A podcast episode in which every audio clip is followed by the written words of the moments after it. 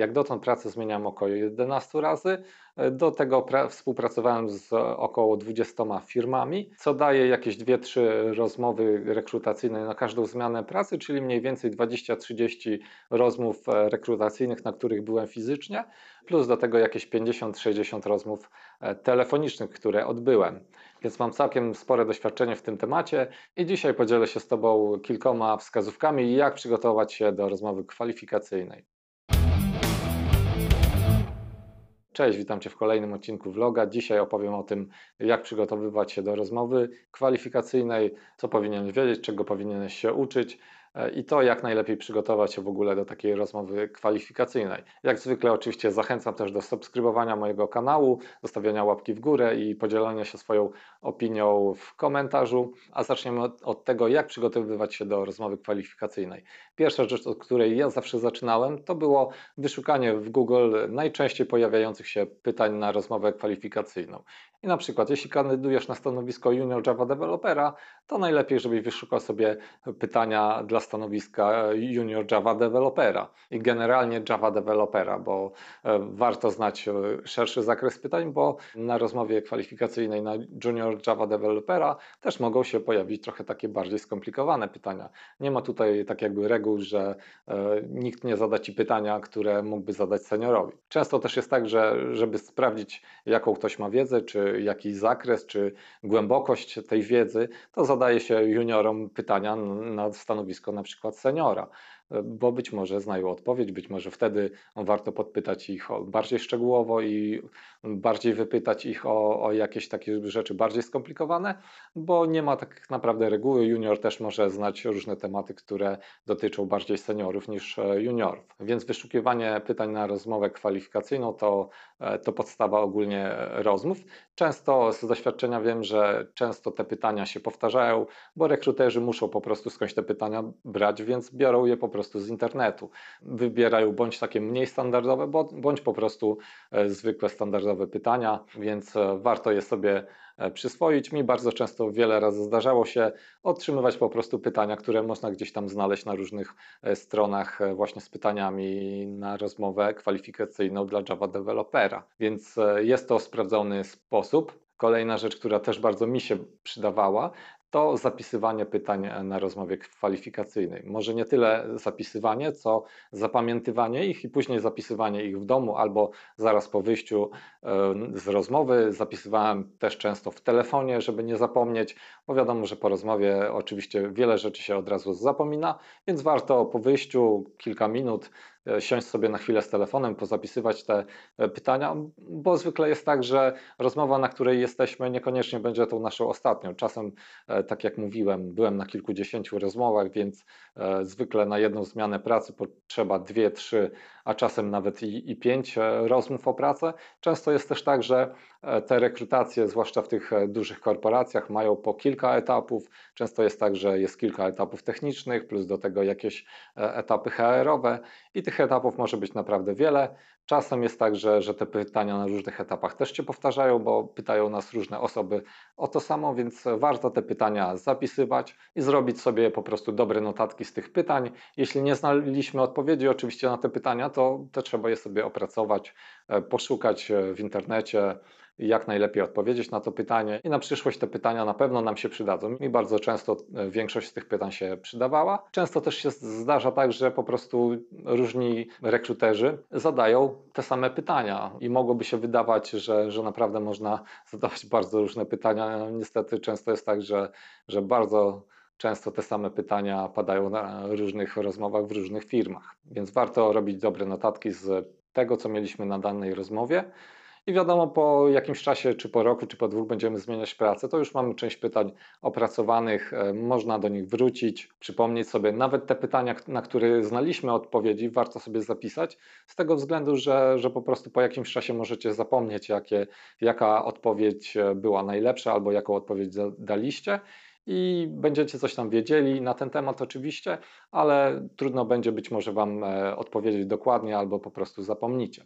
Więc warto robić notatki z pytań. Kolejna rzecz to, gdy dostajecie na rozmowie rekrutacyjnej jakieś zadania e, do kodowania, często jest to kodowanie na kartce, E, I tutaj warto przyswoić sobie też takie najpopularniejsze zadania do kodowania na rozmowach kwalifikacyjnych. I często jest to na przykład pytanie o algorytm FizzBuzz. Jest to bardzo e, prosty algorytm i, i, warto, warto go znać, bo chociażby przez taką prostą rzecz można e, polec e, na rozmowie rekrutacyjnej. Często w tych zadaniach też nie do końca chodzi o to, żeby na kartce napisać dokładne rozwiązanie, tylko bardziej o to, żeby powiedzieć, jak taki algorytm można zaprogramować, że wystarczy powiedzieć, że tutaj jest potrzebne dzielenie modulo czy coś w tym stylu, ewentualnie zrobienie czegoś w pętli w jakimś innym algorytmie lub użycie rekurencji.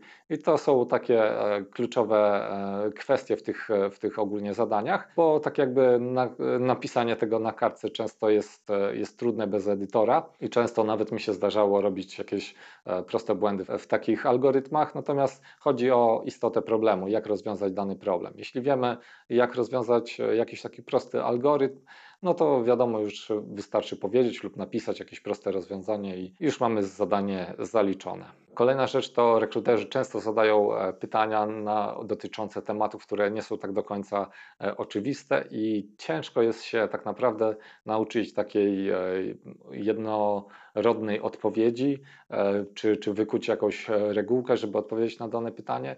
I na przykład takim tematem jest temat dziedziczenia, czy to w Java, czy w innym języku. I takim przykładem może być na przykład, co będzie, gdy klasa B dziedziczy po A i klasa C dziedziczy po B i na przykład w klasie B nadpiszemy jakąś metodę, e, albo w klasie C nadpiszemy jakąś metodę, albo jednocześnie nadpiszemy w dwóch miejscach e, tą metodę, co powinniśmy zrobić, czego nie powinniśmy zrobić, co na przykład wydrukuje taka metoda z klasy C, gdy ją odpalimy. Takie dosyć e, proste rzeczy, natomiast one mogą e, sprawiać problemy, jeśli, jeśli nie znamy tego tematu. I generalnie to są e, podstawy czy to języka, czy to podstawy programowania. I trudno jest tutaj wyuczyć się jakieś regułki, bardziej trzeba znać e, dany temat, na przykład dziedziczenie w danym języku i wiedzieć, jak ono po prostu działa. W różnych językach to dziedziczenie działa w większości bardzo podobnie i, i warto się po prostu tego tematu nauczyć. I czego się uczyć z myślą o e, rozmowie rekrutacyjnej. E, przede wszystkim, jeśli wiadomo, jeśli idziemy na e, junior Java developera, no to zakres wiedzy będzie trochę inny niż na senior Java developera. Jeśli idziemy na seniora, to, to tutaj już jest bardzo wiele tych zagadnień, Trudno nawet jest mi wymienić wszystkie zagadnienia, które, e, które będą potrzebne.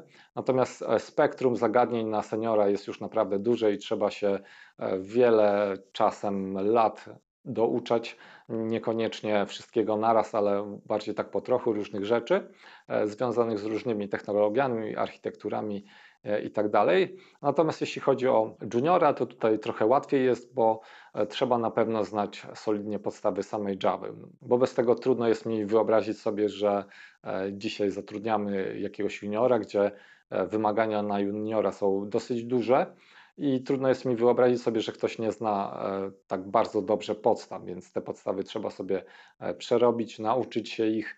Nie jest tak naprawdę tego dużo, E, natomiast e, znajomość tych podstaw jest już tutaj kluczowa. Kolejna rzecz to znajomość frameworków, e, taka znajomość, która pozwoli Wam pracować na co dzień. Nie musicie być ekspertami w danym frameworku, natomiast codzienna praca musi mniej więcej wyglądać w miarę płynnie, więc trzeba wiedzieć co i jak się robi w danym frameworku, na przykład w Springu. Spring jest stosunkowo prostym frameworkiem i Wydaje mi się, że, że z każdym rokiem jest jeszcze bardziej prosty, dużo rzeczy automatyzuje, dużo rzeczy ułatwia, więc e, ta nauka tak naprawdę sprowadza się do kilku podstawowych rzeczy, jak dependency injection, jak konfiguracja samego Springa czy Spring Boota, Wiadomo, że w Spring Bootie jest to wszystko już uproszczone, natomiast trzeba na przykład wiedzieć skąd wziąć konkretne propertiesy dla konkretnego modułu Springa. Oczywiście jest to wszystko w dokumentacji, trzeba wiedzieć gdzie to jest i trzeba znaleźć to miejsce, gdzie opisane są wszystkie propertiesy po kolei, e, żeby wiedzieć po prostu skąd je wziąć, bo to jest tak jakby podstawa tego narzędzia. E, większość rzeczy właśnie konfigurowane jest przez wbudowane propertiesy. Kolejna rzecz to oczywiście wzorce projektowe, o których też już kilka razy w różnych moich materiałach mówiłem. Natomiast wzorców projektowych e, nikt w zasadzie nigdy mnie na przykład e, jakoś tak bardzo szczegółowo nie pytał. Było to bardziej na zasadzie opowiedz mi, do czego służy ten i ten wzorzec, na przykład wzorzec pyłek. Kiedyś nie wiedziałem, do czego służy ten wzorzec i mimo, że w takim programowaniu webowym raczej się go nie używa, bo nigdy chyba nie widziałem, żeby ktoś używał tego wzorca, to warto wiedzieć, do czego taki, taki mały wzorzec e, może nam posłużyć. Natomiast trzeba znać te wzorce podstawowe, takie jak strategia, e, takie jak singleton, fabryka, fabryka abstrakcyjna, czy metoda wytwórcza, e, czy też metoda szablonowa czy też nawet adapter, bardzo przydatny wzorzec. Więc wzorce trzeba wiedzieć, co robią, jakie jest ich zadanie, E, że oddzielają na przykład implementację od abstrakcji i tego typu podobne rzeczy. Natomiast w rzeczywistości to zwykle wygląda tak, że, że to na rozmowie pytają nas o coś, później w projekcie już po prostu albo tego używamy, albo nie. Zwykle nie używamy zbyt wielu wzorców na co dzień, natomiast e, gdzieś tam w kodzie można znaleźć, więc przez analogię można zobaczyć, jak się tego używa. Przychodzicie zwykle już na jakiś E, projekt i tam jest jakiś kod, można zobaczyć jak, jak to jest robione i jak to inni w tym projekcie robili. Można robić pewne rzeczy po prostu analogicznie.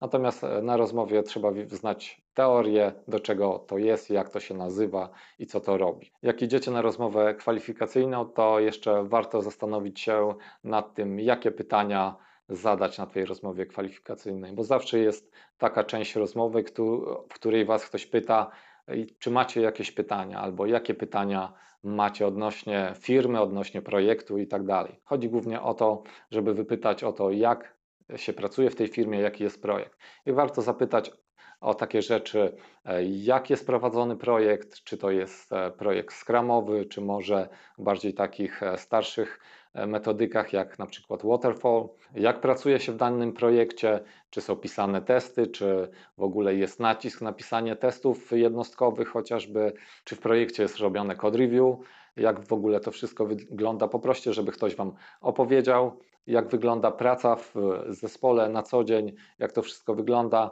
I często po tej części rozmowy można e, tak jakby zorientować się, czy chcecie być w tej firmie, czy chcecie być w tym projekcie, E, czy powinniście być w tym projekcie. Być może to nie jest projekt dla Was, być może Wasi rekruterzy nie będą za bardzo chcieli Wam opowiedzieć, jak to wszystko wygląda.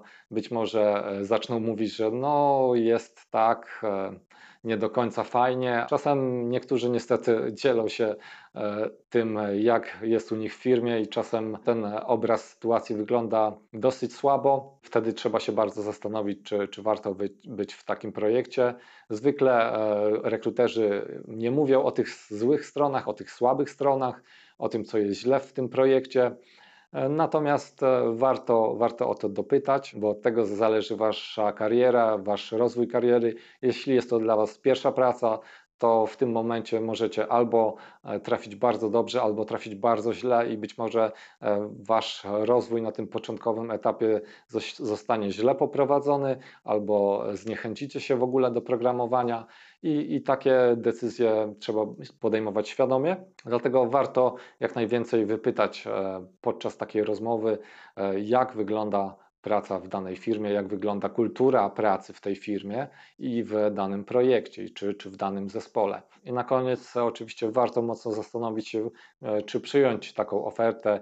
E, też e, po rozmowie rekrutacyjnej zwykle jest tak, że jest jakaś pani z HR, która umawia tą rozmowę i być może warto po rozmowie rekrutacyjnej jeszcze tą panią dopytać, jak wygląda praca w, ty, w tej firmie, jak wygląda praca w zespole, żeby po prostu się nie przejechać. I kiedy warto przyjąć taką ofertę o pracę? I tutaj jest kilka takich czynników, może mało oczywistych, ale ale warto się na nich skupić.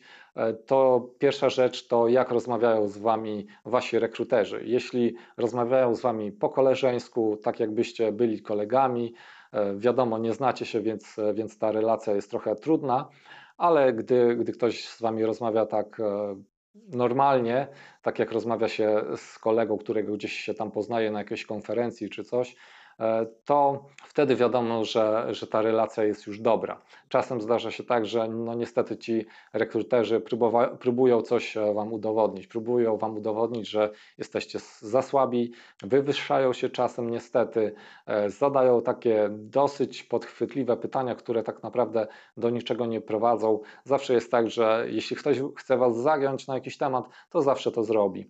Natomiast niektórzy mówią, że po prostu zadają Wam takie pytania, bo chcą sprawdzić Waszą wiedzę, i, i chcą się zorientować, ile umiecie, a inni niestety po prostu e, zadają trudne pytania tylko po to, żeby was e, w jakiś sposób e, zgnębić. No ni niestety też się takie sytuacje zdarzają. Mi się to zdarzyło chyba jakieś dwa albo trzy razy. E, na szczęście jest to e, dosyć rzadkie, ale tak jak mówię, zdarza się. Więc jeśli ktoś rozmawiając z Wami trochę się wywyższa albo próbuje Was e, po prostu Wam trochę dokopać, no to wiadomo, że później będzie trudno Wam z taką osobą współpracować. A zwykle jest tak, że te osoby, które Was rekrutują, no później z Wami w jakiś sposób współpracują, czy to w tym samym zespole, czy w zespole obok. I trzeba po prostu mieć na uwadze, że im lepiej Wam się rozmawia z kimś na rozmowie rekrutacyjnej, e, im jest tak jakby w cudzysłowie fajniej, e, tym lepiej później być może będzie Wam się współpracować z taką firmą czy z takimi ludźmi. W skrócie można powiedzieć, jeśli jest chemia, to, to warto współpracować z takimi ludźmi, jeśli nie, no to trzeba się mocno zastanowić, czy, czy faktycznie jest to dobre dla Was. I tutaj tak naprawdę nie ma takiej e, reguły, jak to zrobić, czy jak się dogadywać z ludźmi. Czasem Wam coś pasuje, czasem nie i, i trzeba się zastanowić, czy, czy, czy ma to sens. Ja z doświadczenia powiem, że, że wiele razy zdarzało mi się odrzucać oferty, ponieważ no, nie do końca mi się dobrze rozmawiało e, z tymi ludźmi, czy z ludźmi, którzy mnie rekrutowali. Natomiast też były sytuacje, gdzie nie do końca mi się dobrze rozmawiało z ludźmi. Później przyjmowałem taką ofertę i no i współpraca była taka trochę, tak jak już mówiłem, trochę średnia. Nie, nie mówię, że zła czy fatalna, no była, bywało trochę średnio, powiem. Natomiast tam, gdzie, gdzie mi się rozmawiało najlepiej i gdzie to porozumienie było tak jakby od pierwszego momentu, że widać, że inni traktują cię po koleżeńsku i po prostu z tobą rozmawiają, żeby sprawdzić e, to, ile umiesz, to później oczywiście ta współpraca układała mi się najlepiej i, i to jest tak jakby wyznacznik tego, e, jak później będzie się Wam e, pracowało z tymi ludźmi. I podsumowując już ten odcinek, powiem, że że trzeba po prostu jak najwięcej się dowiedzieć o miejscu, w którym być może będziecie pracować. Im więcej wiecie, tym lepiej dla Was, więc e, na wszystkich etapach e, rekrutacyjnych e, zadawajcie jak najwięcej pytań. Niestety ja wiele razy podchodziłem do tego, zwłaszcza na początku, podchodziłem do tego tak, że po prostu gdy ktoś mnie pytał, czy mam jakieś pytania, to zwykle mówiłem, żeby, żeby po prostu jak najszybciej skończyć rozmowę. Mówiłem, że nie, nie mam żadnych pytań. No i takie podejście niestety się nie sprawdza zbyt dobrze. Właśnie trzeba mieć jak najwięcej pytań na każdym etapie. No jeśli rozmawiacie przez telefon, to najlepiej na kartce mieć je zapisane, żeby niczego nie przeoczyć. Tak samo jak idziecie na rozmowę rekrutacyjną, też można mieć je w telefonie czy, czy na kartce e, zapisane, żeby też niczego nie przeoczyć, żeby wiedzieć jak najwięcej, bo po prostu od tego e, zależy Wasza przyszłość. I w tym odcinku to już wszystko. Jeśli masz jakieś ciekawe doświadczenia związane z rozmowami rekrutacyjnymi, to proszę podziel się nimi w komentarzach. Jak zwykle oczywiście zachęcam do dania łapki w górę lub zasubskrybowania mojego kanału. Dzięki i do zobaczenia w następnym materiale.